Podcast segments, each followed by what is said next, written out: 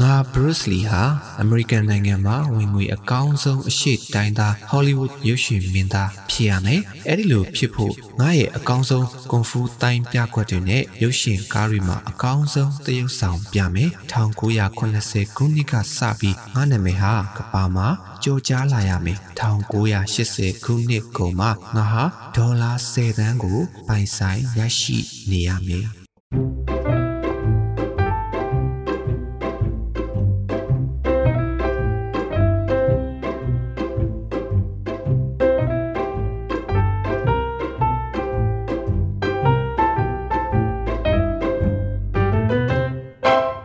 ဒီစာသားလေးကိုတော့ Bruce Lee ကိုယ်တိုင်ကဒါစာရွက်ပေါ်မှာတိတိကျကျနဲ့သူချမှတ်ရေးသားခဲ့တဲ့သူ့ရဲ့ရည်မှန်းချက်စာသားလေးဖြစ်ပါတယ်အဲ့တော့ဒီရည်မှန်းချက်တွေမှာဆိုရင်ခုနှစ်တည်းအတိအကျပါတယ်ပြီးရင်ဒေါ်လာ10သန်းဆိုတဲ့ဒီငွေပမာဏတစ်ခုအတိအကျပါတယ်ဒါတိကျတေချာခိုင်မာတဲ့ရည်မှန်းချက်တစ်ခုကို Bruce Lee ဟာချခဲ့တာဖြစ်ပါတယ်ဆိုတော့ဒီမှာစိတ်ဝင်စားကြကောင်းတာတစ်ခုက အဲ့ဒီတိကျတဲ့ရီမန်းချက်စာလေးကိုရေးတဲ့အချိန်က1960ခုခုနှစ်ဆိုတော့အဲ့အချိန်မှာသူဟာဒီ Hollywood မင်းသားရုပ်ရှင်မင်းသားတယောက်ဖြစ်ဖို့နာမည်ကြီးဖို့အသာထားအောင်နော်ဈေးပေါ်ပေါ်နဲ့ပဲရိုက်နေတဲ့ရုပ်ရှင်ကားတွေမှာမထင်မရှားနဲ့တခန်းစားနှခန်းစားအဲ့လိုလေးတွေပဲတရုပ်ဆောင်ခွင့်သူရနေပါသေးတယ်ပြီးတော့လေသူဟာအဲ့ဒီအချိန်မှာဒုက္ခဒုက္ခဘောင်းဆောင်နဲ့ကြုံတွေ့နေရတဲ့အချိန်လေးဖြစ်ပါတယ်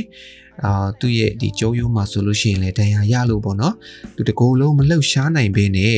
ဒီ American ဆေးရုံတစ်ခုရဲ့ကတင်ပေါ်မှာသူလှဲလျောင်းနေရတဲ့ အချိန်ကာလတွေကိုလည်းသူဖြတ်တန်းခဲ့ရတယ်အဲ့တော့ဒီ Kung Fu ကိုလည်းသူလေ့ကျင့်ကနေကောင်းကောင်းမလုပ်နိုင်ဘူးပေါ့နော်ပြီးတော့သူ့ရဲ့မိသားစုပေါ့မိမနဲ့ကလေးဒါတွေကိုလည်းသူငွေကြေးတွေမထောက်ပံ့နိုင်ဘူးပြီးတော့အိမ်ကန်းငှားကားတွေပေးစရာမရှိဘူးပြီးတော့ဒီမိတ်ဆွေတငယ်ချင်းတွေစီကနေချေးထားတဲ့ပတ်စံတွေပြန်မပတ်နိုင်သေးဘူးပေါ့နော်ဆိုတော့ဒီလိုဒုက္ခတွေနဲ့ကြုံနေရတဲ့အချိန်ပေါ့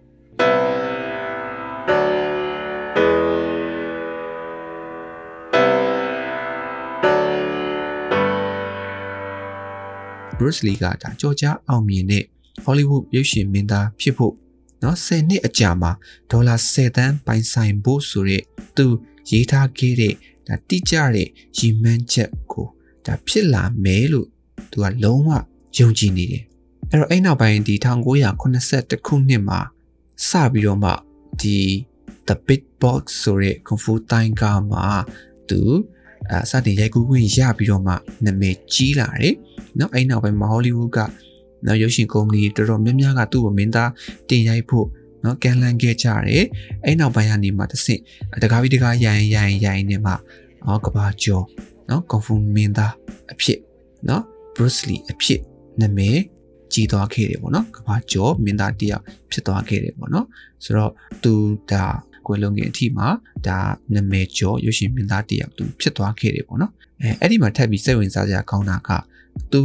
မကွယ်လွန်ခင်10နှစ်အကြာပေါ့နော်10နှစ်အကြာမှာသူရဖို့မျှော်မှန်းထားတဲ့ဒေါ်လာ10တန်းထက်အစပေါင်းများစွာငွေကြေးတွေကိုသူပိုင်ဆိုင်နိုင်နေပြီဖြစ်ပါတယ်အဲ့တော့သူက1983ခုနှစ်မှာကွယ်လွန်ခဲ့တယ်ပေါ့နော်အဲသူ့ရဲ့ရည်မှန်းချက်က1980မှာဒေါ်လာ10တန်းပိုင်ရမယ် အဲ့တော့1983မှာကွယ်လွန်နေဆိုတော့အဲ့1983မတိုင်ခင်မှာသူဟာဒေါ်လာ10တန်းထက်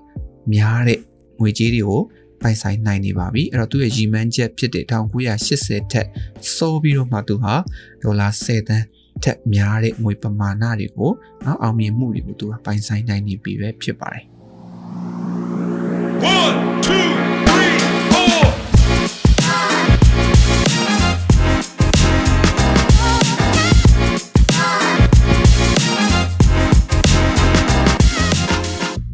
မင်္ဂလာပါရှင်ရေရေမုံမုံပို့ပို့ပပရဲ့အပတ်စဉ်ဗုဒ္ဓဟူးနေ့မနက်10:00နာရီတိုင်းတင်ဆက်နေကြဖြစ်တဲ့တက်သစ္စာလူငယ်ကဏ္ဍကနေကြိုဆိုလိုက်ပါရယ်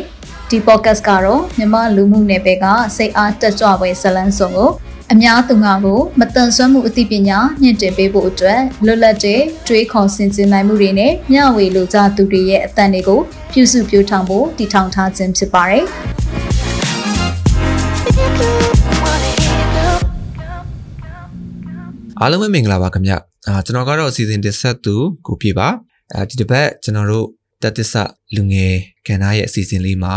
အဓိကတော့ကျွန်တော်တို့ကဒါလူငယ်ကဏ္ဍဖြစ်တဲ့အတွက်ကြောင့်မလို့ဒါလူငယ်တွေအားလုံးပေါ့နော်လူငယ်တွေအားလုံးအတူယူစရာပြီးတော့ဒီမသားစရာအာစိတ်သက်ခွန်အားကြီးရစရာပေါ့နော်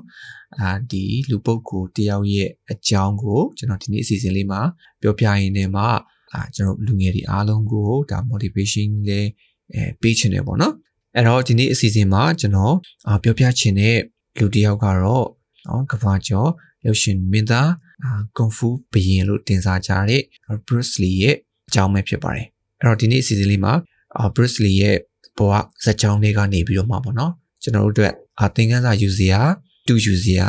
ခွန်အားယူစရာတွေဘယ်လိုအကြောင်းအရာတွေပါဝင်မလဲဆိုတာကိုမိတ်ဆွေတို့က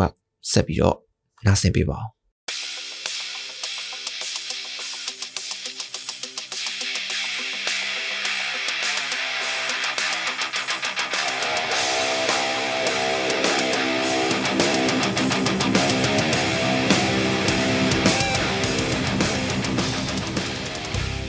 တော့ဒီ season လေးရဲ့အစမှာကျွန်တော်ပြောခဲ့တာကတော့ဒါအာ Bruce Lee ရဲ့တီးကြတဲ့ရှင်မှန်းချက်တွေ ချထားခဲ့တယ်အဲ့ဒီအတိုင်းကိုသူစူးစမ်းခဲ့တယ်တကယ်အောင်မြင်လာခဲ့တယ်ပေါ့နော်ဒီအကြောင်းအရာလေးကိုဒါကျွန်တော်ရှေ့ဆုံးမှာကနဦးအနေနဲ့အနှစ်ချုပ်လေးကျွန်တော်ပြောပြခဲ့တာဖြစ်ပါတယ်အဲ့တော့အခုကျွန်တော်ဆက်ပြီးပြောမှာတော့ Bruce Lee ရဲ့ဘဝဆက်ချောင်းနဲ့ဂျယ်လေးပေါ့နော်အဲ့ဒီမှာဆိုရင်လေဒါကျွန်တော်တို့ပြိသက်တွေပေါ့နော်မတိသေးတဲ့အတိနဲသေးတဲ့ Bruce Lee ရဲ့အာထူးခြားချက်လေးတွေလိုအပ်ချက်လေးတွေပေါ့နော်ဒါလေးတွေလည်းပါဝင်မှာဖြစ်ပါတယ်ဗျကျွန်တော် Bruce Lee လို့ပြောလိုက်လို့ရှိရင် เนาะဒါကွန်ဖူပြီးရင်เนาะကွန်ဖူတိုင်းကားရုပ်ရှင်ကားတွေမှာကဘာကျော်ရုပ်ရှင်မင်းသားအဖြစ်เนาะအကုန်လုံးကြည့်ပူးကြမှာပါသိကြမှာပါဆိုတော့ကျွန်တော်ဒီ Bruce Lee ရဲ့ရုပ်ရှင်နေရာဆိုလို့ရှိရင်အာရှမှာတင်မကဘူးเนาะနောက်နိုင်ငံဥရောပထိကိုပြန့်နှံ့ပြီးတော့မှเนาะအောင်မြင်တဲ့ရုပ်ရှင်တွေဖြစ်တယ်အာသူ့ကြောင့်လည်းပဲဒီအရှိတိုင်းကတိုင်းပညာကိုပေါ့နော်ဒီဥရောပကလူတွေကစိတ်ဝင်စားလာခဲ့ကြတာလေဖြစ်တယ်ပေါ့ အဲဒီတော့ကျွန်တော်တို့ဒီ Bruce Lee ရဲ့ဘဝဖြစ်စဉ်လေးကိုကျွန်တော်တို့ဆက်ပြီးတော့လေ့လာကြည့်အောင်ပေါ့နော်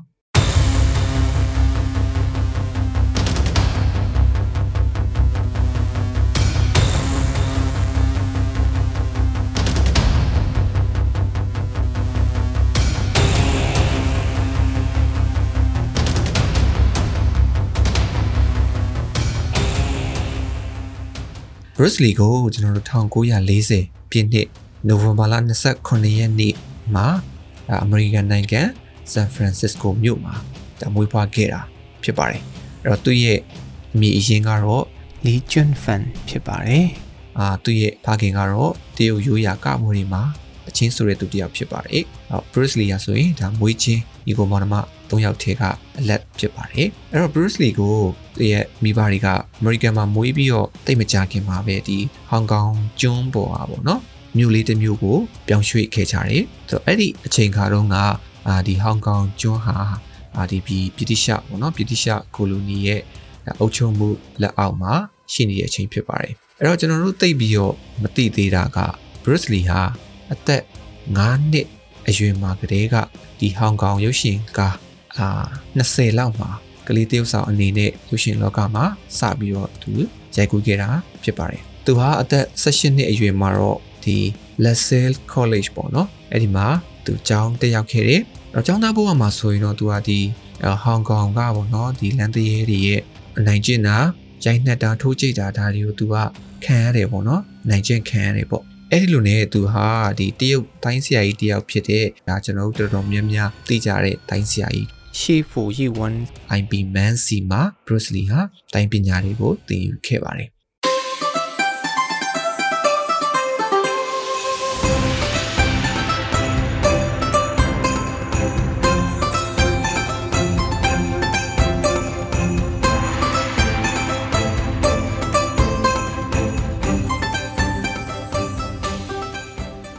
ဆိုတော့အဲ့နောက်ပိုင်းမှာတော့သူဟာအင်္ဂလိပ်ကျောင်းသားတွေเนาะဒီဟောင်ကောင်မှာရှိတဲ့လန်တရဲတွေဒါဒီလိုအဖွဲ့တွေနဲ့မကြာခဏသူကရန်ဖြစ်တယ်ဗျရန်ဖြစ်လေရှိတယ်ပေါ့နော်ဆိုတော့အဲ့ဒီမှာပဲဒါမိဘတွေကအာစိုးရင်ပြီးတော့မှပေါ့နော်သူကိုဒါဟောင်ကောင်ကနေအမေရိကန်နိုင်ငံကိုပြန်ပို့ခဲ့ပါတယ်ဆိုတော့အဲ့ဒီအချိန်မှာသူကအသက်19နှစ်သားအရွယ် ရောက်နေပြီပေါ့နော်အဲ့တော့ American နိုင်ငံရောက်တော့ သူဟာဒီ San Francisco မြို့ရဲ့ဒီ China Town ကအတိတ်တယောက်စီမှာပေါ့နော်သူဒီစားတောက်ဆိုင်တစ်ခုမှာအလုပ်ဝင်လုပ်ခဲ့တယ်ပြီးတော့ American နိုင်ငံဝါရှင်တန်ကတက္ကသိုလ်တစ်ခုမှာလေသူကအကြောင်းတက်ရောက်ခဲ့တယ်အာတတနိက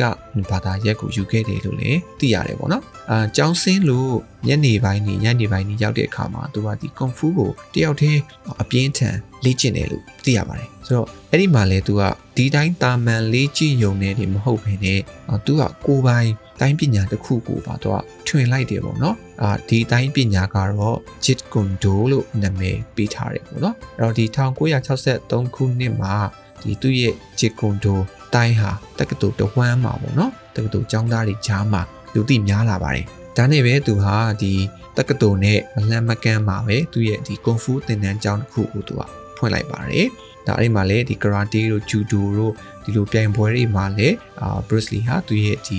ဂျစ်ကွန်ဒိုတိုင်းစွမ်းရည်ကိုလည်းအမြဲတော့ပြလိရှိတယ်ပေါ့နော်အမြဲပြတယ်ဒါဗန်ပွဲတွေလည်းခဏခဏသူဝင်နေပေါ့နော်ဆိုတော့တနေ့မှာတော့အာသူ့ရဲ့တင်တန်းမှာတင်တန်းလာတတ်တဲ့ Linda Emery ဆိုတဲ့မျိုးသမီးတူနဲ့သူကပူစာဖတ်ပြီးတော့ဒါအိမ်အောင်ပြုတ်ခဲ့လိုက်ပါတယ်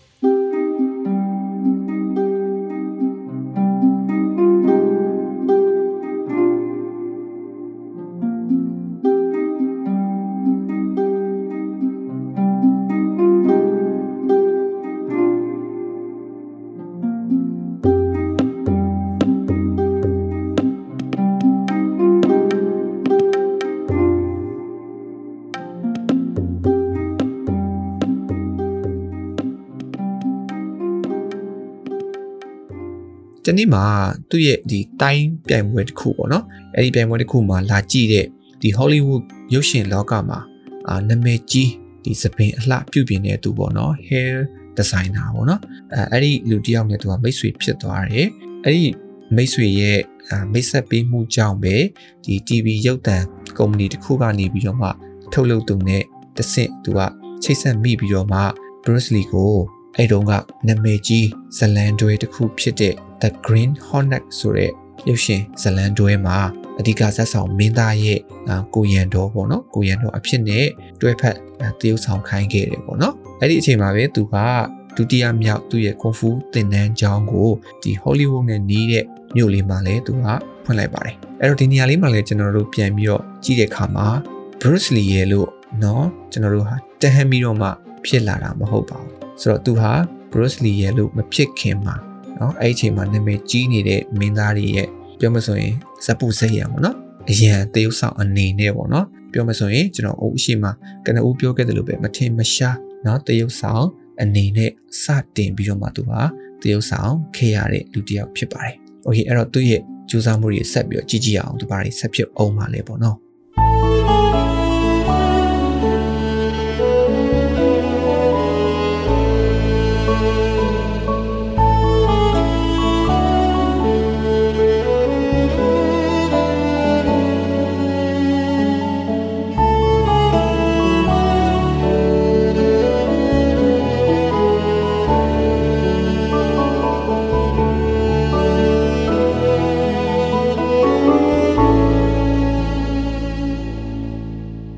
Bruce Lee ဟာသူ့ရဲ့ဒီဒုတိယမြောက်နော်တင်တဲ့ကွန်ဖူးတင်တဲ့အကြောင်းကိုဖွင့်ပြီးရဲ့နောက်ပိုင်းမှာသူ့ရဲ့ကွန်ဖူးစွမ်းရည်ကိုအမေရိကန်ကလူတွေတော်တော်များများကသိသွားခဲ့ကြတယ်ပေါ့နော်။အော်ဒီသူ့ရဲ့တင်တဲ့အကြောင်းမှာဆိုလို့ရှိရင်လည်းဒီ Hollywood ကနာမည်ကြီး action မင်းသားတွေတော်တော်များများကလည်းတင်တဲ့နေလာတက်ကြတယ်။ဆိုတော့နောက်ထပ်နောက်ထပ်ဒီ TV အစီအစဉ်တွေမှာလည်းသူဟာတရုတ်ဆောင်ခွင့်ရခဲ့တယ်ပေါ့နော်။အာတဖြည်းဖြည်းနဲ့ဒါသူ့ရဲ့ဘဝက တစားတစားနဲ့စားနဲ့သူပြောင်းလဲလာခဲ့တယ်ပေါ့နော်1981ခုနှစ်မှာစပြီးတော့ဒါသူရဲ့ပြောင်းလဲတွေဟာလေစပြီးတော့မှဒါထင်ရှားလာခဲ့တယ်ပေါ့နော်အဲ့တော့ပထမအောင်ဆုံးတော့သူရဲ့ကောင်းဆောင်မင်းသားအနေနဲ့ရိုက်ခဲ့ရတဲ့ဇာတ်ကားကတော့ဒါ The Big Box ဆိုတဲ့ကွန်ဖူရုပ်ရှင်ပဲဖြစ်ပါတယ်အာဒီကားကလည်းဒါငွေကြီးနည်းနည်းနဲ့ပဲเนาะရိုက်ခဲ့တဲ့ရုပ်ရှင်ဖြစ်ပါတယ်အဲ့တော့ဒီရုပ်ရှင်ဟာစတင်ပြီးတော့မှအောင်မြင်သွားတယ် နာမည်ကြီးသွားတယ်ဝင်ငွေတွေလည်းတအားကောင်းသွားတယ်အချိန်မှာအာ Bruce Lee ရဲ့လို့လေလူသိများသွားခဲ့တယ်ပေါ့နော်ဒီမှာသူ့ရဲ့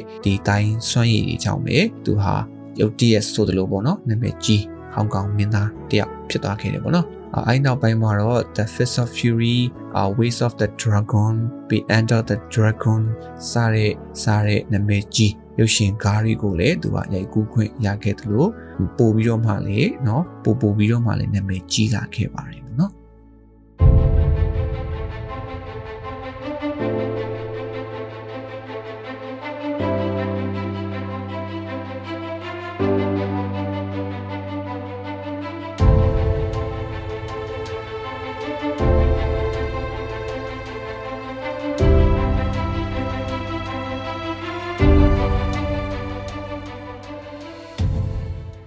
ဒါပေမဲ့လည်းကျွန်တော်တို့စိတ်မကောင်းခြင်းများစွာနေပဲပေါ့နော်အရန်ကို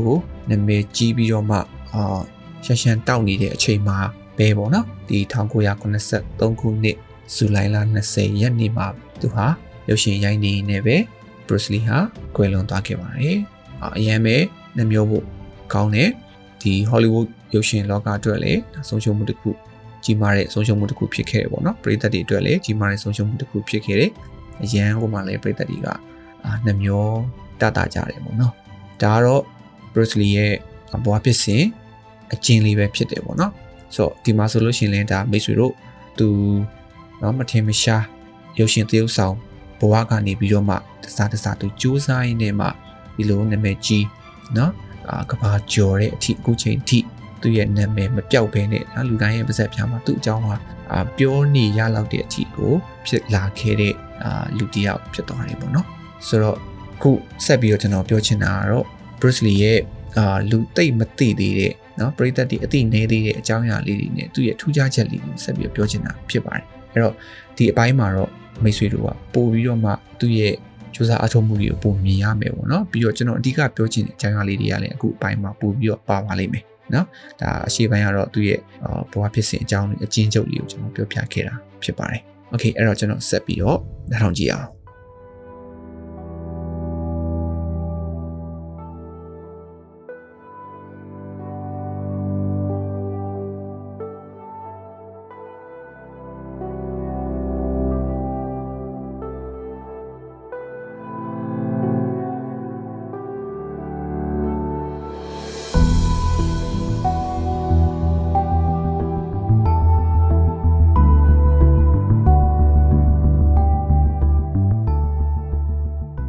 Bruce Lee ကိုဒါတိုင်းသမားเนาะကဖူဘင်းရုပ်ရှင်မင်းသားလို့လူသိများတယ်ဒါပေမဲ့သူဟာအကမှလည်းကျွမ်းကျင်တဲ့သူတယောက်ဖြစ်တယ်လို့လည်းသိရပါတယ်အဲ့တော့ချာချာအကကိုအလွန်ကိုကျွမ်းကျင်ပါတယ်တဲ့1959ခုနှစ်မှာလည်းဒီကရဲ့เนาะဟောင်ကောင်ရဲ့ဒီအကချန်ပီယံတယောက်လည်းသူကဖြစ်ခဲ့ပူပါတယ်အဲ့တော့ Bruce Lee ဟာကျမ်းမာကြန့်ခိုင်ပြီးတော့အာလင်မြန်ဖြက်လက်တဲ့သူတယောက်လို့အားလုံးကသိထားကြပါတယ်ဒါပေမဲ့သူဟာ အမြင်အာရုံပြဿနာရှိတဲ့သူတယောက်ဖြစ်ပါတယ်။နော်ပါဝါများတဲ့မျက်မှန်ကိုတက်ဆင်ခဲ့ရတယ်။ဒီမျက်ကပ်မှန်တက်တဲ့နော်အစောပိုင်းလူသားတွေထဲမှာလည်းသူကတူဖြစ်ခဲ့တယ်ပေါ့နော်။ဒီမှာလည်းသူ့ကိုဒါမတန်ဆွမ်းမှုအရာကြည့်မယ်ဆိုလို့ရှိရင်သူဟာမတန်ဆွမ်းမှုရှိတဲ့လူတယောက်လို့ဒါပြောလို့ရတယ်ပေါ့နော်။ပါဝါများတဲ့မျက်ကက်မှန်နေသူအသုံးပြုခဲ့ရတယ်ဆိုတော့သူ့မှာအမြင်အာရုံပြဿနာရှိနေရဆိုတဲ့ခါကျတော့ဒါမတန်ဆွမ်းသူတယောက်ဒါဖြစ်တယ်လို့တော့ကျွန်တော်တို့ကဒါရေးပြီးအဖြစ်သုံးသပ်လို့ရတယ်ပေါ့နော် ဒါပေမဲ့လည်းသူဟာလုံးဝကိုเนาะအမြင်အာရုံပြဿနာရှိတယ်လို့တော့ထင်ရလောက်အောင်လင်မြန်ဖြက်လက်ပြီးတော့ရန်ကိုထူးချွန်တဲ့သူတယောက်ဖြစ်နေတယ်ပေါ့နော်ဆိုတော့ဒါဟာလည်းကျွန်တော်တို့အတူယူစရာကောင်းတဲ့သူရဲ့ထူးခြားချက်တစ်ခုဖြစ်တယ်ပေါ့နော်ပြီးတော့သူဟာဒီရုပ်ရှင်နဲ့လှုပ်ထုံးလုပ်နည်းတွေပေါ့နော်ဟိုပြောချင်တာဒီလမ်းဟောင်းတွေအတိုင်းပေါ့လမ်းဟောင်းတွေအတိုင်းကိုပဲသူကတိတ်မကြိုက်ဘူးအဲ့ဒီ လုံယူလှုပ်စင်နေပေါ့နော်ဒီလိုနေစနစ်ဟောင်းတွေကိုတော့မကြိုက်ဘူးမကြိုက်တော့သူကအဲ့လိုစမ်းသက်တီထွင်ရတာကြိုက်တဲ့လူလို့သူကပြောလို့ရတယ်ပေါ့နော်ဟိုအချိန်ရှိသေး၍လည်းသူကဒီရှိပြီးသားတိုင်းပညာတွေကိုမှထပ်မံတော့စမ်းသစ်စမ်းသစ်ရင်းနဲ့ဒါကွဲထွက်တဲ့ဒါလေ့ကျင့်မှုပုံစံအသစ်တွေကိုလည်းသူကအာတီထွင်ဖန်တီးနိုင်ခဲ့တဲ့သူတစ်ယောက်ဖြစ်တယ်ပေါ့နော်ဒီသူ့ရဲ့ကိုယ်ပိုင်တီထွင်ထားတဲ့တိုင်းပညာတွေကိုလည်းသူကဖန်တီးဖြစ်လာတယ် အမြဲတမ်းလေးသူကစမ်းသစ်ဖို့ပဲကြိုးစားနေတဲ့သူတယောက်ဖြစ်တယ်ပေါ့နော်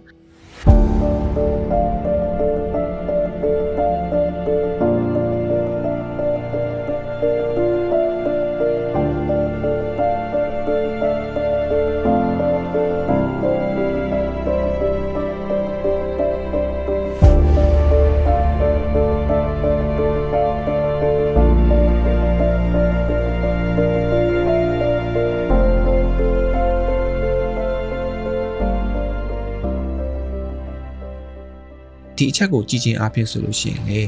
ဒါသူကအမြဲတမ်းစမ်းသစ်တီထွင်နေတဲ့เนาะသူတယောက်ဖြစ်နေဆိုတဲ့ခါကျတော့ဒါကလည်းအတူယူစရာကောင်းပါတယ်ကျွန်တော်တို့ကအမြဲတမ်းအာလမ်းယူလမ်းစဉ်အတိုင်းအမြဲတမ်းသွားနေကြတဲ့လူတွေပြောချင်တာကကျွန်တော်တို့ကအာ comfort zone ပေါ့နော် comfort zone ထဲမှာကျွန်တော်တို့ကအမြဲတမ်းရောက်နေတတ်ကြတယ်ဗျဥပမာပညာရေးတစ်ခုကိုလေ့လာရဲဆိုလို့ရှိရင်လည်းအမအာဆရာတွေစီကသင်ယူရဲဆိုလို့ရှိရင်လည်းဒီဆရာသမားတွေသင်ပေးတဲ့ ဟာကိုပဲကျွန်တော်တို့သင်ယူရဲအဲ့တိုင်းပဲကျွန်တော်တို့လိုက်လုပ်တယ်ပေါ့နော်ဒီထက်ကျွန်တော်တို့ကိုယ်ပိုင်တီထွင်နိုင်စွမ်းနေတိတ်မရှိကြဘူးတိတ်မလုဖြစ်ကြဘူးပေါ့နော်တိတ်မလုဖြစ်ကြအောင်ဆိုတော့အာတီထွင်ဖန်တီးမှုတွေเนาะစမ်းသစ်မှုတွေဒါတွေကလည်းကျွန်တော်တို့လုပ်ဖို့အများကြီးလိုအပ်တယ်ဆိုတာကိုလေအာဒီမှာလေ့လာလို့ရတယ်ပေါ့နော်။ဘာလို့လဲဆိုတော့ကျွန်တော်တို့ကဟိုအောင်မြင်တဲ့လူတော်တော်များများကိုကြည့်ကြည့်ပါအာကိုယ်ပိုင်ဖန်တီးမှုเนาะဒီ လမ်းဟောင်းတွေအတိုင်းကနေခွဲထွက်တဲ့သူတွေနော်သူတို့ရဲ့ကိုယ်ပိုင်ဖန်တီးမှုတွေကိုယ်ပိုင်တီထွင်မှုတွေကနေပြီးတော့မှအောင်မြင်ခဲ့ကြတာများပါတယ်ပေါ့နော်ဆိုတော့လမ်းဟောင်းအတိုင်းလိုက်တဲ့ဆရာတွေတင်တဲ့အတိုင်းကိုပဲလိုက်လုပ်သွားတဲ့သူတွေဟာရိုးရိုးရှင်းရှင်းပဲပေါ့နော်ရိုးရိုးရှင်းရှင်းပဲတာမန်အနေထားနဲ့ပဲရှိနေကြတာများပါတယ်ပေါ့နော်အဲ့တော့ဖောက်ထွက်တဲ့လူတွေကိုယ့်ရဲ့မူရင်းအာကိုယ့်ရဲ့ပုံစံဖြစ်အောင်တီထွင်တဲ့သူတွေကပို့ပြီးတော့ဒါအောင်မြင်ကြတဲ့လူတွေဖြစ်နော် ရောက်သွားကြတာကိုကျွန်တော်တို့တော်တော်များများလေ့လာရတယ်ပေါ့နော်ဆိုတော့ Bruce Lee ဟာလည်းထိုနည်းလက်ကောင်းပဲပေါ့နော်ပြီးတော့သူ့ကိုပေါ့နော်ဒီကွန်ဖူပညာရှင်တရုတ်ဆောင်တယောက်မင်းသားတယောက်လို့လူသိများပေမဲ့အာသူဟာတခြားပညာရက်တွေမှာလည်းထူးချွန်တဲ့သူတယောက်ဖြစ်တယ်လို့သိရပါတယ်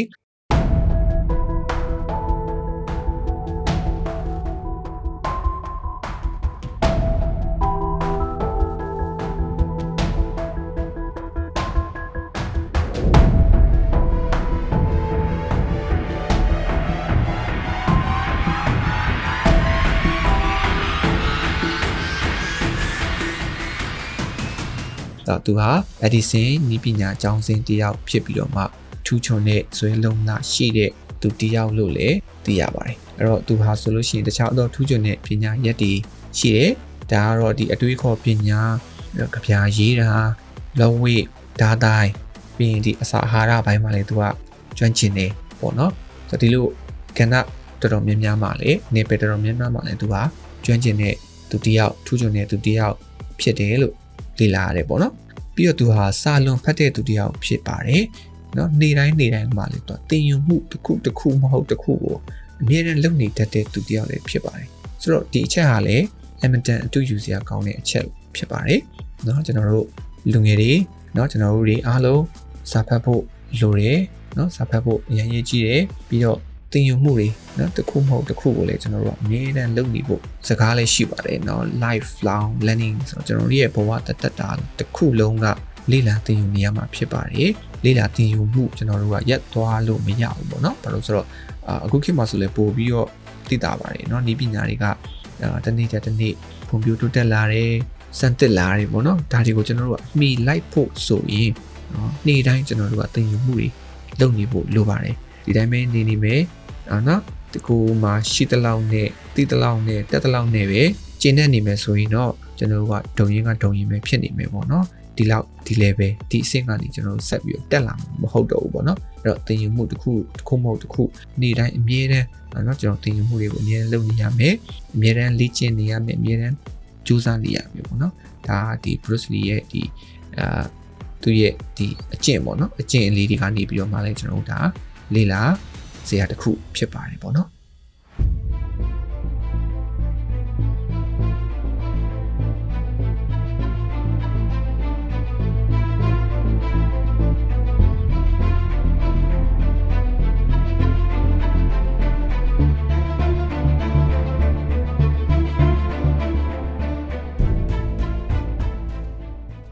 အဲအခုဆက်ပြောမယ့်အကြောင်းအရာပို့ပြီးတော့မှအံ့ဩစရာလည်းကောင်းတယ်လို့ပို့ပြီးတော့မှ ချီးကျူးစရာကောင်းပါတယ်ဆိုတော့တော်ယုံတန်ယုံလူတွေသူ့လောက်ထိမလုံနိုင်တဲ့ကြိုးစားမှုမျိုးသူလုပ်တယ်ပေါ့နော်ဆိုတော့ဒါကြောင့်မလို့လေသူဟာနော်ဒီလောက်ထိကဘာကျော်အောင်မြင်သွားတဲ့သူတယောက်ဖြစ်တယ်လို့ကျွန်တော်တို့ယုံကြည်တယ်ပေါ့နော်ဆိုတော့ဘာလဲဆိုတော့သူဟာတဲ့တနေ့ကိုလက်သီးအချက်ရည်9000ခန့်ထိုးပြီးတော့မှလေ့ကျင့်လေးရှိပါတယ်တနေ့ကိုပြီးတော့နေ့တိုင်းပေါ့နော်တနေ့ကိုဆိုတာသူကနေ့တိုင်းပေါ့ ဆိုတော့နေ့တိုင်းနေ့တိုင်းနေ့တိုင်းလက်သီးအချက်ရည်9000ထိုးလေ့ကျင့်လေ့ရှိပါတယ်ဒါဟာလေဒီလိုလေ့ကျင့်မှုကလေသူ့ရဲ့လက်သီးပြင်းထန်ရခြင်းရဲ့လှုပ်ချက်တစ်ခုဖြစ်ပါတယ်တဲ့ဆိုတော့ဒါလေးကအရန်စိတ်ဝင်စားဖို့ကောင်းတယ်ရန်လည်းအံ့ဩဖို့ကောင်းတယ်နော်တနည်းကိုလက်သီးအချက်ရည်9000ထိုးပြီးလေ့ကျင့်နေဆိုတာတော်တော်ကိုပြင်းထန်တဲ့လေ့ကျင့်မှုတစ်ခုဖြစ်တယ်ဒါကြောင့်လေသူဟာအဲ့လောက်ထိ အောင်မြင်တဲ့နာမည်ကြီးတဲ့ကွန်ဖူပညာရှင်တယောက်ဖြစ်လာတယ်လို့လည်းယုံကြည်ရပါတော့ပြီးတော့သူ့ရဲ့ဗီဒီယိုတွေပေါ့ဗီဒီယိုတွေကိုလေ့လာကြည့်တဲ့အခါမှာရုပ်ရှင်တဲကလှုပ်ရှားမှုတွေထက်ဒီပြင်ပမှာနော်ပြင်ပမှာသူဒီတိုင်းပြိုင်ပွဲတွေမှာသွားပြီးတော့တရုပ်ပြတာပဲဖြစ်ဖြစ်ပညာဖလှယ်တာပဲဖြစ်ဖြစ်ပေါ့နော်ဒီအပြင်ပကတကယ်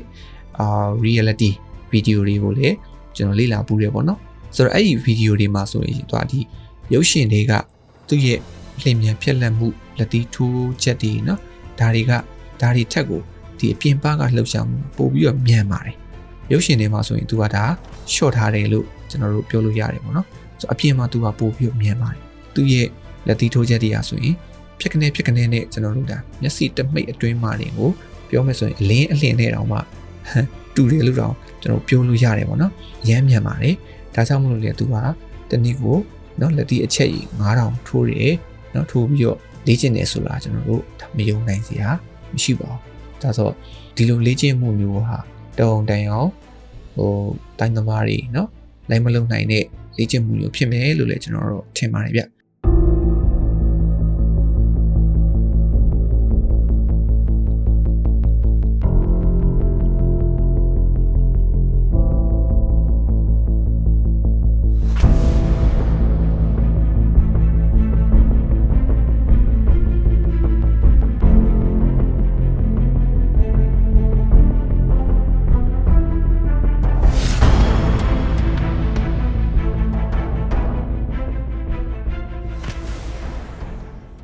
အာဒီနေရာမှာလည်းဒါပြောရတာ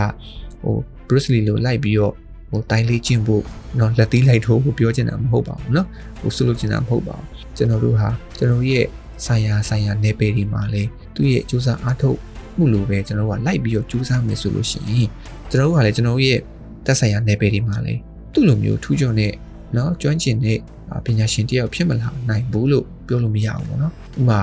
ထားပါတော့အာကျွန်တော်က music နဲ့ပို့ပြီးတော့ရင်းနှီးတဲ့ခါကျတော့ music နဲ့ပဲဥမာပေးဖြစ်တာများတယ်ပေါ့နော်ဆိုတော့အာကျွန်တော်တို့ဂီတာတီးတယ်ပေါ့နော်ဂီတာတီးတယ်ဆိုလို့ရှိရင်တနေ့ကို6နာရီလေ့ကျင့်တဲ့သူနဲ့တနေ့ကို3နာရီပဲလေ့ကျင့်တဲ့သူနဲ့ဂီတာဆွမ်းရည်ချင်းတူမှာမဟုတ်ပါဒီလိုပဲတနေ့ကို8နာရီလေ့ကျင့်တဲ့သူနဲ့တနေ့ကို12နာရီလောက်လေ့ကျင့်တဲ့သူနဲ့ဂီတာဆွမ်းရည်ချင်းတူမှာမဟုတ်ပါဘူးเนาะအဲ့တော့ကျွန်တော်က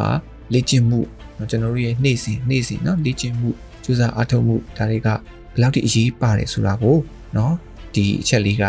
လုံးဝဒါတတိပြနေတာဖြစ်ပါတယ်သူ့ရဲ့ကြိုးစားအားထုတ်မှုတွေကိုလည်းဒါကျွန်တော်နမူနာယူလို့ရတယ်ပေါ့နော်ဒါကြောင့်မလို့လေသူ့ရဲ့လက်တွေဟာအရန်ကိုတန်ပါတယ်เนาะသူ့ရဲ့လက်ချောင်းတွေဆိုရင်တဲ့ဒီစစ်တုဘူးတွေကိုတောင်မှ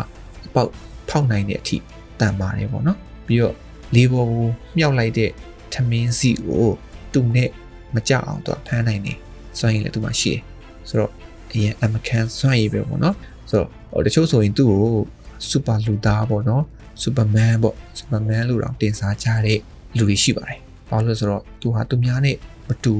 နော်တာမန်လူတယောက်လုံနိုင်ပါမလားလို့တော့မထင်ရတဲ့စွမ်းရည်သူ့မှာရှိနေတာပေါ့နော်ဆိုတော့ဒါကလည်းကျွန်တော်တို့ကလေ့ကျင့်မှုစူးစမ်းမှုကနေဖြစ်လာတာပါဝုံတိုင်းနဲ့ဖြစ်လာတာမဟုတ်ဘူးမွေးရပါ ဖြစ်လာတာမဟုတ်ဘူးเนาะဟို Bruce Lee ဟာဆိုလို့ရှိရင်လေမွေးကလေးကတာမန်လူတယောက်အနေနဲ့ပဲမွေးလာတယ်ပြီးတော့ဟိုကျော်ရှိမှပြောခဲ့သလိုပဲမထင်မရှားဘဝလေးတွေเนาะအခက်အခဲတွေမျိုးစုံကနေပြီးတော့မှ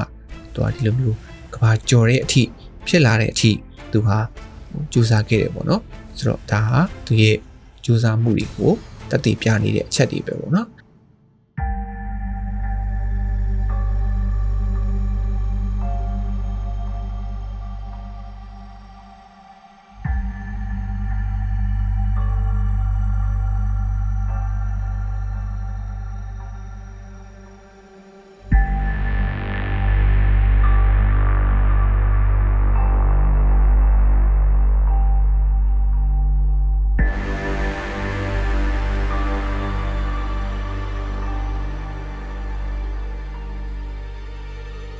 သူဟာဒီ20ရာစုမှာဆိုလို့ရှိရင်လေကဘာကိုအလွမ်းမိုးနိုင်ခဲ့ဆုံးเนาะအရောက်တရာတွေကတူအနေနဲ့လေ Time Magazine မှာဖော်ပြခြင်းခံခဲ့ရတဲ့သူလေးဖြစ်ပါတယ်တဲ့ဒါဟာဒါကျွန်တော်လေးလာမိတလောက်ပေါ့နော်အော် Bruce Lee ရဲ့ထူးခြားချက်လေးတွေသူရဲ့ဘဝအကြောင်းလေးတွေကိုဒါကျွန်တော်ထုံထုံပြခဲ့တာဖြစ်ပါတယ်เนาะဒီကနေလေဒါမိတ်ဆွေတို့သင်ခန်းစာတွေเนาะ landing လုပ်စရာတွေစိတ်သက်ခွန်အားတွေ ရကြမယ်လို့ကျွန်တော်ထင်ပါတယ်ကျွန်တော်ကိုယ်တိုင်လည်းရပါတယ်ဟောဆိုအရန်ဟို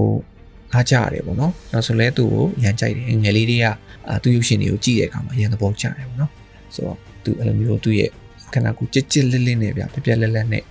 လှုပ်ရှားသွားတာတွေနော်ထိုးတာလက်တီထိုးချက်တွေဆိုအရန်သဘောကျတယ်ပေါ့နော်ဆိုတော့ဒီ Bruce Lee ရဲ့နော်ဒီထူးခြားချက်လေးတွေကနေဘယ်မှာလဲကျွန်တော်တို့အာလူငယ်တွေအနေနဲ့တူယူစရာအရန်ကောင်းတဲ့အ ချက်တွေဖြစ်ပါတယ်အဲ့တော့ကျွန်တော်တို့ကကျွန်တော်တို့ရှိတဲ့နေပဲเนาะကျွန်တော်တို့ဖြစ်ချင်တဲ့ရည်ရွယ်ချက်တွေကို Bruce Lee လိုပဲကျွန်တော်တို့ကခိုင်မာတိကျတဲ့ရည်မှန်းချက်တွေချပြီးတော့မှသူ့လိုပဲကြိုးစားအားထုတ်မှုเนาะပြင်းထန်တဲ့ကြိုးစားအားထုတ်မှုတွေနဲ့စဉ်ဆက်မပြတ်ကြိုးစားမယ်ဆိုရင်ကျွန်တော်တို့ရဲ့နေပင်မှာလည်းကျွန်တော်တို့ဟာဘယင်တဆူဖြစ်လာနိုင်ပါတယ်။သူမတူတဲ့သူတွေဖြစ်လာနိုင်ပါတယ်เนาะဆိုတော့ဒါကြောင့်ကျွန်တော်တို့လူငယ်ညီကောင်မောင်နှမတွေ အားလုံးကိုလည်းအထူး motivation ပေးခြင်းနဲ့ဘလို့အခက်အခဲတွေပဲကြုံနေပါစေเนาะစိတ်ထဲမကြဘဲနဲ့ကျွန်တော်တို့ရဲ့ကြိုးစားမှုတွေကိုရက်မသွားဘဲနဲ့ပေါ့နော်ဟိုကျွန်တော်တို့ဖြစ်ခြင်းတဲ့ပန်းနိုင်ကိုဇွဲလုံးလဝရိယရှိရှိနဲ့တွားချဖို့လိုပါတယ်เนาะဒီ Bruce Lee တနည်းကိုလက်သီးအချက်ရည်9000ထိုးလေ့ကျင့်တယ်လို့မျိုးကျွန်တော်တို့ဟာလည်းတနည်းတနည်းကိုเนาะကျွန်တော်တို့လေ့လာသင်ယူနေတဲ့ပညာရက်တွေမှာအ ချိန်ပေးပြီးတော့လေ့ကျင့်မယ်နော်တန်ဖိုးထားပြီးလေ့ကျင့်မယ်ဆိုရင်ကျွန်တော်တို့ဟာလည်းသူ့လိုပဲနော်ထူးချွန်တဲ့အောင်မြင်တဲ့သူတယောက်ဖြစ်လာမှာသိကြပါတယ်နော်သူ့လိုမျိုးကဘာမကြော်ဘူးလို့တော့ဘယ်သူပြောနိုင်လဲမပြောနိုင်ဘူးနော်သူဆိုလို့ရှိရင်လည်းနော်ဒါမွေးကလေးရဝုန်းတိုင်းနဲ့ကဘာကြော်လိုက်လူမဟုတ်ဘူးမထင်မရှားဘဝလေးရနေပြီးတော့မှနော်တဖြည်းဖြည်းတဖြည်းဖြည်းတဖြည်းဖြည်းဟိုနာမည်ရလာပြီးတော့မှတဆင့်ချင်း တက်လှမ်းလာခဲ့ရတဲ့သူတစ်ယောက်ဖြစ်ပါတယ်။နော်အဲ့ရနေမှသူဟာလုံးဝနော်ကော်ဖူဘီရင်ဖြစ်လာတဲ့အထီကိုကြိုးစားခဲ့တာ။အဲ့တော့သူဟာကြိုးစားလို့ဖြစ်လာတာပါ။နော်ကံကောင်းလို့နော်အာအဲ့တော့ကံကောင်းလို့ဆိုတာထက်ကိုမှအကျိုးစားလို့ဖြစ်လာတယ်လို့ကျွန်တော်တို့ပြောလို့ရပါတယ်။နော်ပြီးတော့သူဟာသူ့ရဲ့ဒီတိုင်းနယ်ပယ်တစ်ခုထဲမှာနေ နော်ထူးချွန်တာလည်းမဟုတ်ဘူး။ရှင်မပြောခဲ့နယ်ပယ်ဆုံးမှလည်းသူကဒါအားကိုထူးချွန်တယ်နော်ပြီးတော့သူကတင်ယူမှုတစ်ခုတစ်ခုအမြဲတမ်းလုပ်နေတတ်တဲ့သူတယောက်ဖြစ်တယ်ဆိုတာလေးဒီအချက်လေးဆိုတော့ကျွန်တော်ဆိုလည်းအရင်သဘောကျတယ်ပေါ့နော်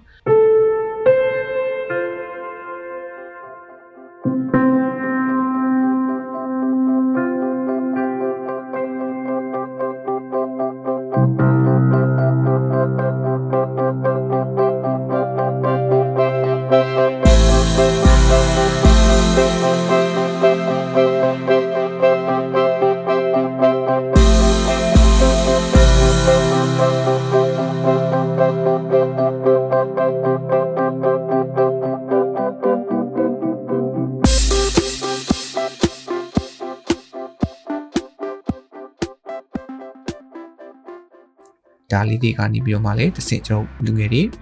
စံနမူနာယူပြီးတော့မှအကျူစာကြပါเนาะစိတ်သက်မကြကြပါနဲ့ကျွန်တော်တို့ comfort zone ထဲမှာပဲနေမနေပါနဲ့เนาะ comfort zone တွေကနေပြီးတော့မှလေထွက်ကြည့်ကြည့်ပါเนาะထွက်ကြည့်ကြည့်စူးစမ်းကြည့်ကြည့်ရုန်းကန်ကြည့်ကြည့်ပေါ့เนาะဆိုတော့ကျွန်တော်တို့အော် comfort zone ထဲမှာနေတာကတော့လူကတော့တတ်တာတာပေါ့ဗျာเนาะလူလည်းတတ်တာမယ်စိတ်တတ်တာမယ်เนาะအစီလေးပဲတနေ့တနေ့ ကိုယ့်ရဲ့ပုံမှန်အလုပ်လေးလုပ်နေမယ်ပုံမှန်လေးပဲစားမယ်တောက်မယ်အိပ်မယ်နော်ရမ်းတတ်တာတာပေါ့နော်ဘာမှမပင်ပန်းဘူးပေါ့နော်ကွန်ဖော့ဇုံတွေကနေထွက်လာရင်တော့ပင်ပန်းမယ်နော်လူပင်ပန်းမယ်စိတ်ဓာတ်တွေပင်ပန်းမယ်စိတ်ပီစီမှုတွေများမယ်ဒါပေမဲ့ကျွန်တော်တို့ဟာအဲ့ဓာတွေနဲ့เนาะအဲ့လိုမျိုးစိတ်ပီစီမှုတွေ pressure တွေเนาะစိတ်ပင်ပန်းလူပင်ပန်းရတလောက်လေတံပြန်အကျိုးတက်ရောက်တဲ့အောင်မြင်မှုတွေเนาะတိုးတက်မှုတွေ ကျွယ်ဝမှုတွေဒါတွေရလာမှာတေချပါပဲเนาะအဲ့တော့ကျွန်တော် comfort zone ထဲမှာနေမနေပါနဲ့ comfort zone ထဲကနေထွက်ပါเนาะအခုချိန်မှာကိုဟာ comfort zone ထဲရောက်နေပြီလားကိုကိုလည်းပြန်ပြီးသုံးသပ်ကြည့်ကြည့်ပါဦးเนาะ တုံးသက်ကြည့်ကြည့်ပါပြီးတော့ကိုကို challenge ပြန်ခေါ်ပါเนาะကိုကိုမညှပါနဲ့เนาะမညှပါနဲ့ကိုကို challenge ပြန်ခေါ်ပါပြီးတော့ကိုကိုကိုရှင်ပြိုင်ပါเนาะကိုကိုကိုပဲရှင်ပြိုင်ပါအဲ့တော့ဒီနေ့ကိုပြေးထက်လေမနှက်ဖြန် မရှိမဲ့ကိုပြေးကပို့ပြီးတော့မှတာလုံးတော်နေထက်မြက်နေဖို့လိုပါတယ်เนาะအဲ့တော့ကိုကိုပဲကိုနဲ့ကိုပဲရှင်ပြိုင်ပါเนาะကိုကိုပဲရှင်ပြိုင်ပါတနေ့ထက်တနေ့တနေ့တနေ့အာကိုကို upgrade လုပ်သွားပါအဲကျွန်တော်တို့လူငယ်တွေเนาะဒီနေ့ခေတ်မှာဆိုရင်ဒီပညာတွေကြားထဲမှာရှင်သန်နေကြရတယ်เนาะအဲ့အတွက်အာအကောင်းဘက်ရောက်သွားတဲ့လူငယ်တွေလည်းရှိသလိုအဆုတ်ယုတ်သွားကြတဲ့လူငယ်တွေလည်းရှိနေပါတယ်เนาะဂိမ်းထဲမှာပဲအချိန်ကုန်ပြီးတော့ ဟိုဘာမှဖြစ်မလာတဲ့လူငယ်တွေလည်းရှိပါတယ်เนาะအဲ့တော့ဟိုဆိုတော့အာဒီဤပညာပိုင်းဆိုင်ရာနဲ့ဥပမာပြရလို့ရှိရင်လေကျွန်တော်တို့ကင်ထားတဲ့ဖုန်းပေါ့เนาะကျွန်တော်တို့လက်ထဲမှာကင်ထားတဲ့ဖုန်းအဲ့တော့ကျွန်တော်တို့ရဲ့ဖုန်းကိုเนาะလူတိုင်းလူတိုင်းက model မြင့်တာเนาะ version မြင့်တဲ့ဖုန်းတွေကိုပဲသုံးချင်ကြတယ်เนาะဟုတ်တယ်เนาะနောက်ဆုံးပြ iPhone เนาะ iPhone မှာမှနောက်ဆုံးထွက်တဲ့ iPhone တွေလားအဲ11လား 14လား21လားစသဖြင့်เนาะဆိုတော့ကိုယ့်ရဲ့ကင်ထားတဲ့ဖုန်းတောင်မှပဲเนาะ model မြင့်တာအရှိသွေးကောင်းတာเนาะ upgrade ဖြစ်နေတာတွေကိုပဲသုံးချင်ကြတယ်မလားเนาะအရှိသွေးကောင်းတာကိုပဲသုံးချင်ကြတယ်မလားပြီးဖုန်းထဲမှာရှိတဲ့ software တွေเนาะ application တွေ system တွေဆိုရင်လည်းအများနဲ့ upgrade ဖြစ်နေတာကိုပဲကြိုက်ကြတယ်မလားအဲ့ဒီလိုပါပဲเนาะကိုယ့်ရဲ့ဖုန်းအမြဲတမ်း upgrade upgrade upgrade ဖြစ်နေတယ်လို့ ကိုယ့်ရဲ့အရေးအသွေးကိုယ့်ရဲ့အရေးအချင်းဒါကိုလည်းအမြဲတမ်း upgrade လုပ်နေဖို့အရေးကြီးပါတယ်เนาะကျွန်တော်တို့တွေကကိုယ့်ကိုယ် upgrade လုပ်ဖို့မိနေကြကြပါတယ်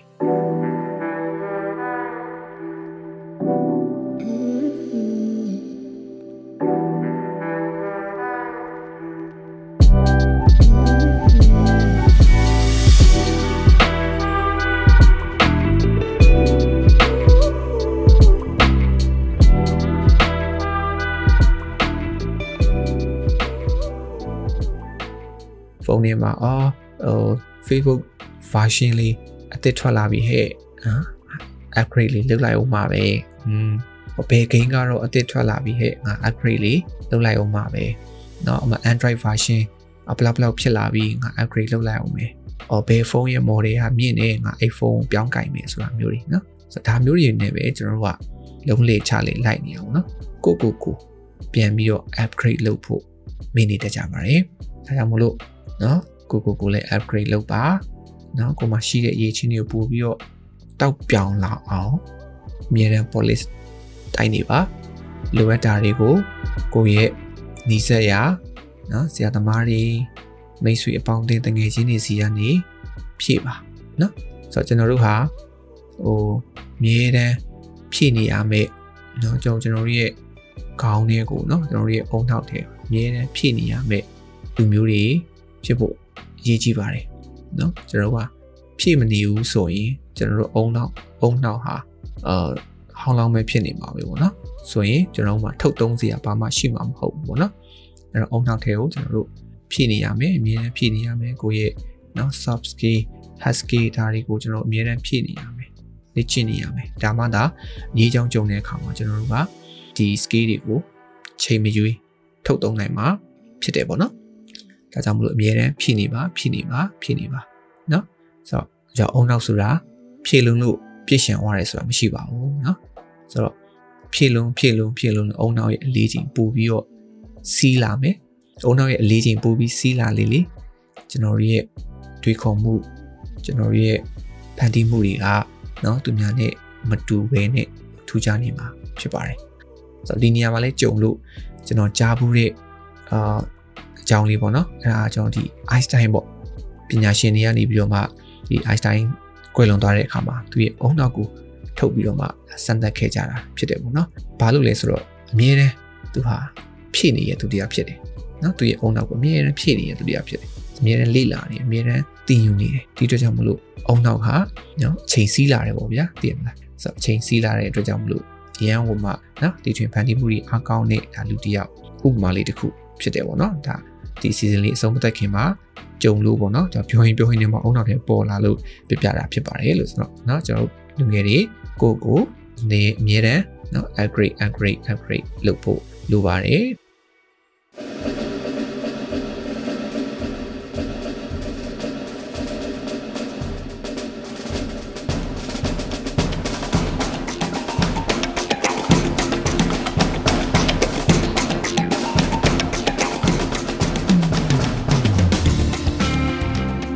အဲ့တော့အထူးသဖြင့်ကျွန်တော်ပြောချင်တာကတော့ကျွန်တော်တို့ရဲ့မတန်ဆွမ်းညီကိုမောင်နှမတွေကိုကျွန်တော်အထူးပြောချင်ပါတယ်เนาะကျွန်တော်တို့မတန်ဆွမ်းညီကိုမောင်နှမတွေဟာเนาะမတန်ဆွမ်းသူတွေဟာကျွန်တော်တို့တခြားသူတွေနဲ့ရှင်ရင်အာအခွင့်အလမ်းနေပါပါတယ်เนาะမပညာသင်ကြားတာပဲဖြစ်ဖြစ်เนาะအလုပ်ကိုင်းပဲဖြစ်ဖြစ်အခွင့်အလမ်းတွေတအားနေပါပါတယ်ဆိုတော့အဲ့တော့ကျွန်တော်တို့ဟာရတဲ့အခွင့်အလမ်းတွေရတဲ့အခွင့်အရေးတွေမှာအကောင်းဆုံးပိုင်ပိုင်နိုင်နိုင်စုပ်ကင်ပြီးတော့မှ တုံးချတတ်ဖို့လိုပါတယ်ဆိုတော့เนาะအဲ့တော့ကိုယ်မှာရလာတဲ့အခွင့်အလမ်းတွေအခွင့်အရေးတွေเนาะသူများနဲ့မတူဘဲရလာတဲ့အခွင့်အလမ်းတွေရှိလာမယ်အခွင့်အရေးတွေရှိလာမယ်ဆိုရင်အဲ့ဒါတွေကိုကျွန်တော်တို့ကလက်လွတ်မခံမဲနဲ့เนาะအကျိုးရှိရှိတုံးချစေချင်ပါတယ်เนาะအခုချိန်မှာကျွန်တော်တို့ညီကောင်မောင်နှမတွေပြန်ပြီးတော့တုံးသက်ပါငါမှဘလို့အခွင့်အရေးတွေရှိနေပြီလေ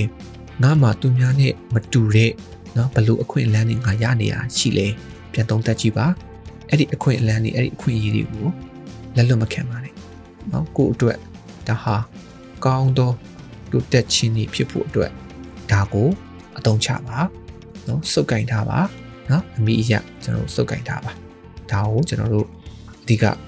ပြောချင်ပါတယ်ကျွန်တော်တို့မတန်ဆွမ်းညီကောင်မောင်မာရီအတွက်ပေါ့နော်ဆိုတော့ဒီအစီအစဉ်လေးကနေပြီးတော့မှလေဒါစိတ်သက်ခွန်အားနော် motivation တွေအဲရမယ်လို့ထင်ပါတယ်ဗျဆိုတော့နော်အဲ ကျွန်တော်ကိုယ်တိုင်လေအဲ့တော့ဒီလိုမျိုးနီလန်နေဒီလိုမျိုးယူဆတွေနဲ့ကျွန်တော်ကျင့်ကြံ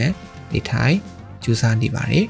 ဆိုတော့အဲ့တော့ကျွန်တော်ကရောအရင် perfect ဖြစ်နေတဲ့သူတယောက်တော့လေပေါ့သေးပါဘူးเนาะကျွန်တော်လေအညီကိုမော်နမိုင်းရဲ့အတူတူပဲကြိုးစားနေတော့မယ်ကြိုးစားနေတဲ့သူတယောက်ပဲဖြစ်ပါတယ်လို့เนาะဒါကြောင့်မလို့ကျွန်တော်တို့ဒီအတူတူကြိုးစားကြရအောင်ပါလို့เนาะပြောချင်ပါတယ်ကျွန်တော်တို့လိုချင်တဲ့เนาะပန်းတိုင်းကျွန်တော်တို့သွားချင်တဲ့နေရာအောင်မြင်မှု ဒီစီကိုကျွန်တော်တို့အတူတူเนาะကြိုးစားကြရအောင်ပါเนาะကြိုးစားဖို့အတွက်လည်းကျွန်တော်ကထပ်မံပြီးတော့မှလည်းဖိတ်ခေါ်ပါတယ်လို့เนาะအဲ့တော့ဒီနေ့အစီအစဉ်လေးကိုလည်းအချိန်ပေးပြီးတော့နားထောင်ပေးခဲ့ကြတဲ့ကျွန်တော်တို့မိတ်ဆွေတွေညီကောင်မောင်နှမတွေလူငယ်တွေကြောက်ချင်းစီတိုင်းကိုလည်းကျေးဇူးအထူးတင်ပါတယ်ဒီနေ့အစီအစဉ်လေးကနေပြီးတော့မှမိတ်ဆွေတို့အတွက်ညီကောင်မောင်နှမတွေအတွက်အကျိုးတစ်စုံတရာရှိမယ်ဆိုရင်ကျွန်တော်ဒီ season လေးဖန်တီးရကြိုးနှက်ပါတယ်ကျွန်တော်ကျင်းနေပါတယ် နောက်နောက်နောက်နောက်မှာလည်းဒီလိုမျိုးစိတ်ဝင်စားစရာကောင်းတဲ့เนาะကဘာရရက်ကအောင်မြင်သူတွေရဲ့ခုလိုမျိုးထူးခြားချက်လေးတွေသူတွေရဲ့ဘယ်လိုမျိုးကြိုးစားခဲ့ရတယ်ဆိုတဲ့အကြောင်းအရာလေးတွေเนาะလူဝက်ချက်လေးတွေဒါလေးတွေကိုလည်းကျွန်တော်တို့အလင်းတင်တင်တယ်လို့เนาะစူးစမ်းပြီးတော့တင်ဆက်ပေးသွားပါအောင်မယ်နောက်နောက်အစီအစဉ်တွေမှာလည်းစောင့်မျှော်နားဆင်ကြဖို့ကိုလည်းဖိတ်ခေါ်ချင်ပါတယ်ဆိုတော့ဒီနေ့ကျွန်တော်ရဲ့အစီအစဉ်လေးကတော့ဒီလောက်နဲ့ပဲညနာချင်ပါတယ်အားလုံးအောင်မြင်တဲ့တိုးတက်တဲ့ ဘဝလန်ခီကိုရှောက်လန်းနေကြပါစေလို့ဆုတောင်းပေးလိုက်ရပါတယ်အားလုံးကိုကျေးဇူးတင်ပါတယ်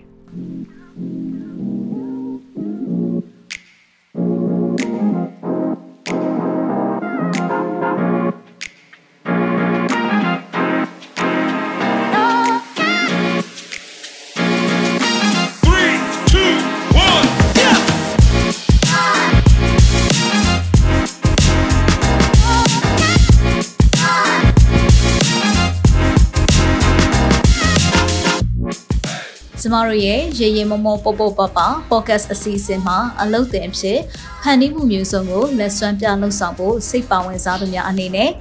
Google Form ကနေပြီးတော့မှမိမိတို့ရဲ့မှတ်ပုံတင်ရှင်းနှောင်းနဲ့အလှတက်ပုံတစ်ပုံအပြင်နမူနာလက်ရာတစ်ခုနဲ့အတူအမြင့်ဆုံးရှောက်ထားဖို့ဖိတ်ခေါ်လိုက်ပါရယ်။နောက်ပတ်ပုတ်တကူးနေ့မနက်10:00နာရီမှာပြန်ဆောင်ကြရအောင်နော်။